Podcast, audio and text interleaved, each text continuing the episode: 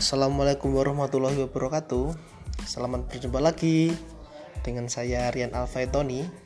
Saya adalah audiopreneur dari Prodi Pendidikan Guru Sekolah Dasar di Fakultas Keguruan dan Ilmu Pendidikan Universitas Islam Balitar Blitar. Kali ini saya akan mengajak para pendengar semua membahas tentang tiga, pendekat, tiga pendekatan supervisi.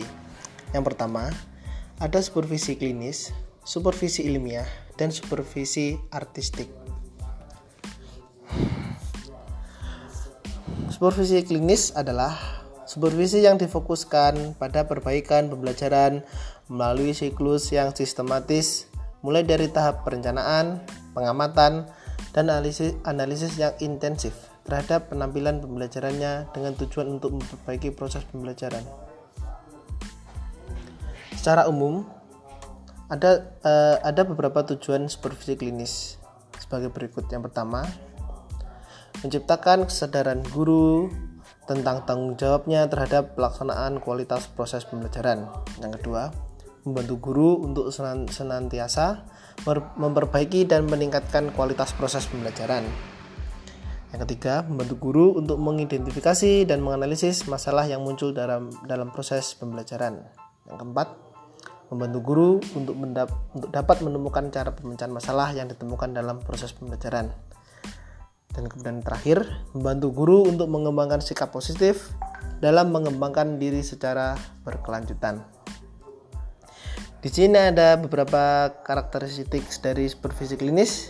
Yang pertama, perbaikan dalam pembelajaran mengharuskan guru mempelajari keterampilan intelektual dan bertingkah laku berdasarkan keterampilan tersebut. Kemudian, fungsi utama supervisor adalah menginformasikan beberapa keterampilan seperti keterampilan menganalisis, proses pembelajaran berdasarkan hasil pengamatan, keterampilan mengembangkan kurikulum, dan keterampilan dalam proses pembelajaran. Yang ketiga, fokus supervisi klinis. Yang pertama, perbaikan proses pembelajaran, keterampilan keterampilan penampilan, dan didasarkan atas kesepakatan bersama dan pengalaman masa lampau. Berikut ada kelebihan dan kelemahan dari supervisi klinis. Yang pertama, Kelebihan supervisi klinis dapat dipakai memperbaiki guru-guru yang sangat lemah kinerjanya. Kemudian, perbaikan yang dilakukan sangat intensif sebab masing-masing kelemahan ditangani satu persatu sampai semua kelemahan menjadi kurang atau hilang. Yang ketiga, proses memperbaiki kelemahan dilakukan secara mendalam, termasuk guru merefleksikan kemampuan melakukan melaksanakan proses pembelajaran, Supervisor mengobservasi secara mendalam bila ada bila perlu memakai video. Dan yang ke, yang dan yang terakhir kelemahan dari supervisi klinis. Kelemahan dari supervisi klinis yaitu terlalu mahal sebab membutuhkan waktu yang panjang karena kelemahan diperbaiki satu persatu dan menyita pikiran serta tenaga yang besar sebab dilakukan secara mendalam agar intensif. Kemudian kita akan membahas tentang supervisi ilmiah. Menurut John D. McKenna, terdapat tiga pandangan mengenai supervisi ilmiah. Yang pertama, supervisi ilmiah dipandang sebagai kegiatan supervisi yang dipengaruhi oleh berkembangnya manajemen ilmiah dalam dunia industri. Yang kedua, supervisi ilmiah dipandang sebagai penerapan penelitian ilmiah dan metode pemecahan masalah secara ilmiah. Yang ketiga, supervisi ilmiah dipandang sebagai demokratik ideologi. Kemudian kita akan membahas tentang karakteristik karakteristik supervisi ilmiah. Karakteristik supervisi ilmiah dilaksanakan secara berencana, kemudian sistematis dan menggunakan prosedur serta teknik tertentu. Selanjutnya, menggunakan instrumen pengumpulan data dan yang terakhir, ada data yang objektif yang diperoleh dari keadaan yang real. Adapun kelebihan dan kelemahan dari supervisi ilmiah ini. Yang pertama, kelebihan dari supervisi ilmiah Hasil penelitian tentang pembelajaran dipandang sebagai hal yang sangat penting berdasarkan temuan penelitian baik yang dilakukan secara mandiri atau oleh peneliti lain. Kemudian, adanya penelitian sehingga pemecahan masalah besar kemungkinan tepat sasaran dan tujuan. Adapun kekurangan dari supervisi ilmiah. Yang pertama, jumlah proporsi yang dihasilkan oleh supervisi ilmiah masih relatif kecil dibandingkan dengan kebutuhan aktual pembelajaran.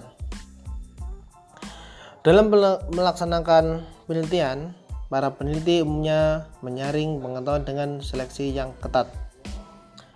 Peneliti umumnya tidak menemukan problema kelas secara menyeluruh sehingga yang didapatkan hanya parsial saja. Dan yang terakhir,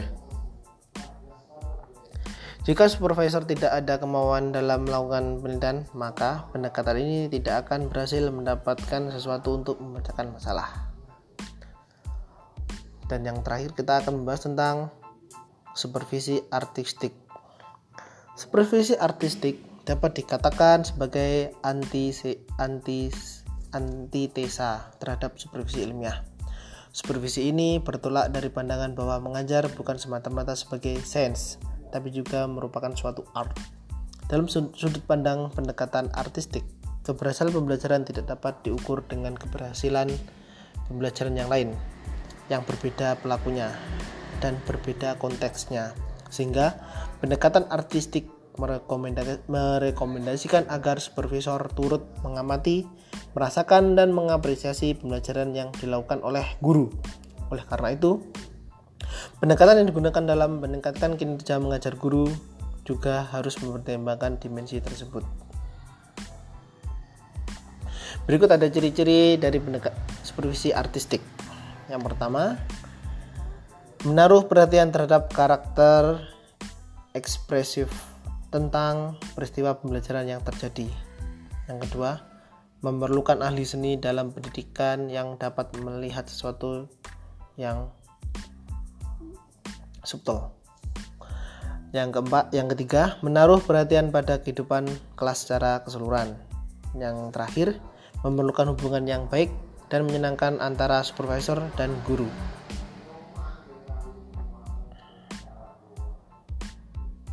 Adapun kelebihan dan kelemahan dari pendekatan supervisi artistik. Kelebihan dari pendekatan supervisi artistik sendiri ialah terlihat dalam melihat fenomena pengajaran dalam hal ini supervisor melihat secara teliti halus dikaitkan dengan gejala yang lain peristiwa yang sama mungkin memiliki penyebab yang berbeda sehingga pembinaan yang dilakukan supervisor bisa berbeda pula dan kelemahannya dari pendekatan supervisi artistik ini adalah tidak semua supervisor mampu mengapresiasikan fenomena fenomena secara tepat mungkin dari segi waktu dan juga agak lama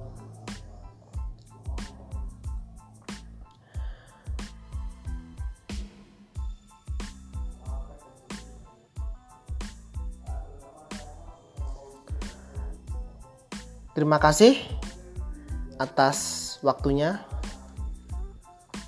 Semoga tiga pendekatan supervisi tadi dapat menambah ilmu wawasan bagi kalian semua. Terima kasih. Wassalamualaikum warahmatullahi wabarakatuh. Stay work from home. Mari bergabung dengan Universitas Sambalitar. Salam entrepreneur. Wassalamualaikum warahmatullahi wabarakatuh.